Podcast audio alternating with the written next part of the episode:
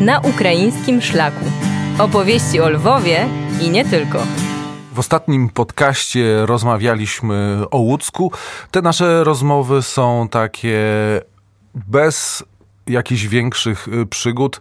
Ma się wrażenie, że odwiedzając zabytki na szlaku, Dmytro Antoniuk nie ma żadnych przygód. Powiedz mi, dzisiaj chyba mm, sięgniemy do przykładu tego, że może być inaczej. Nie wszystkie zabytki są dostępne. Dokładnie tak. I zamek w miejscowości Mikulince, o której teraz e, będzie mowa, jest takim przykładem, kiedy ty po prostu nie możesz trafić do zabytku na, na liście narodowych e, zabytków, ponieważ ludzie, które prywatnie mieszkają w tym zamku i nie do końca wiadomo, czy oni mają na to prawo. Po prostu zablokowali i przywłaszcili bramę tego zamku, więc e, trafiłem tam, włażąc e, przez e, jakieś krzaki, dziury z innej, niewłaściwej strony. A zamek tam jest y, wybudowany przez Annę z Sieniawskich Jordan z wieku XVI. Dokładnie, około 1550 roku Anna z Sieniawskich Jordan, jak pisze o tym Aleksander Ciołowski, postawiła ten zamek, wybudowała ten zamek dla e, obrony od e, Tatarów. Więc e, dalej ten zamek było uszkodzono przez kozaków Chmielnickiego i jego też naprawili koniec polscy. I dalej było tragiczne wydarzenie w historii tego zamku związane z oblężeniem przez Turków w 1675 roku. Wtedy pod ściany zamku w Mikulincach przyszło wojsko pod dowództwem Ibrahima Szyszmana. Oni powiedzieli załodze e, zamku, której komendantem był e, niejaki Orchyjowski, że jeżeli załoga podda się, to e, zachowuje i wolność, i życie. Mm, załoga się poddała, ale Turcy nie dotrzymali swego słowa i połowę załogi wyrżnieli i też ludzi, cywilów, którzy przebywali tam w pod obroną tych ścian, a połowę po prostu e, wzięli do Jasyru. Gdy mówimy o Mikulincach, warto też e, wspomnieć o pałacu, który tam się znajduje. Dokładnie tak, bo e, z czasem i po tych wszystkich dramatycznych wydarzeniach zamek w Mikulincach zaniepał i wtedy Ludwika z Mniszchów Potocka około 1760 roku wybudowała nową rezydencję, e, ponieważ e, zamek już nie nadawał się na mieszkanie. Więc e, wybudowała pałac, który też połączyła galeriami z dwoma oficynami bocznymi. Oprócz tego pałacu powstał też przepiękny rzymskokatolicki kościół świętej Trójcy wraz z klasztorem ojców misjonarzy. O czym trzeba pamiętać, to o tym, że ten kościół jest wzorowany na protestanckiej królewskiej świątyni w Dreźnie i jest bardzo na nią podobny.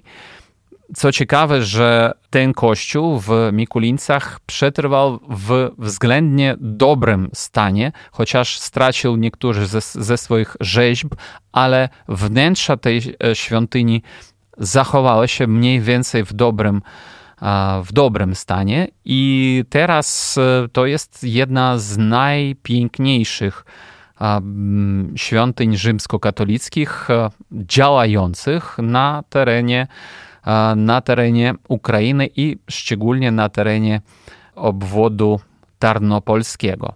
No ale wracając e, znów e, do pałacu, trzeba powiedzieć, że kolejnym jego, e, jego właścicielem w latach 30. XIX wieku został Piotr Konopka herbu Nowina. I on próbował otworzyć w Mikulincach fabrykę sukna, ale ona nie miała sukcesów, ale jego kurort e, nad źródłami siarkowymi w sąsiedniej Konopkówce, która została nazwana na, e, ku jego czci, to on akurat e, miał sukces i można powiedzieć, że to był taki współczesny spa Czyli spa to nie jest wynalazek współczesności. Już wtedy kobiety przyjeżdżały, żeby dbać tam o urodę. Dokładnie tak. Dalej jednak e, Mikulince i w ogóle e, całe te ziemie czekali e, wydarzenie tragiczne. Mianowicie ten pałac był splądrowany w latach 1918-1919. Wtedy, zgodnie z informacją od Romana Aftanaziego, galeria obrazów, która była w tym pałacu, była poddana po prostu zniszczeniu.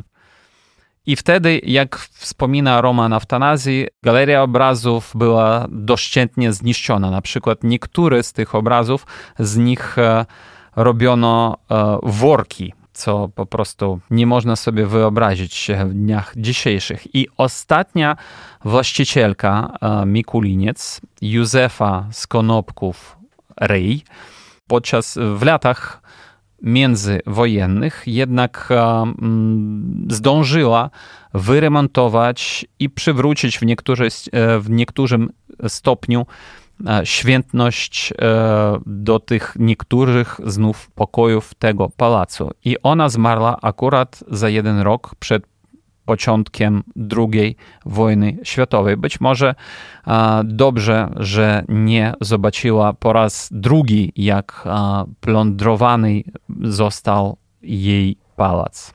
Odwiedziliśmy dzisiaj Mikulince. To jest inicjatywa, która ma na celu przypomnieć, czy zapoznać naszych słuchaczy, naszego podcastu z zabytkami polskimi na Ukrainie w momencie, gdy nie znamy ani dnia, ani godziny, nie wiemy kiedy kolejne zabytki mogą zostać zniszczone. Opowiadał Dmytro Antoniuk, a ja nazywam się Wojciech Jankowski.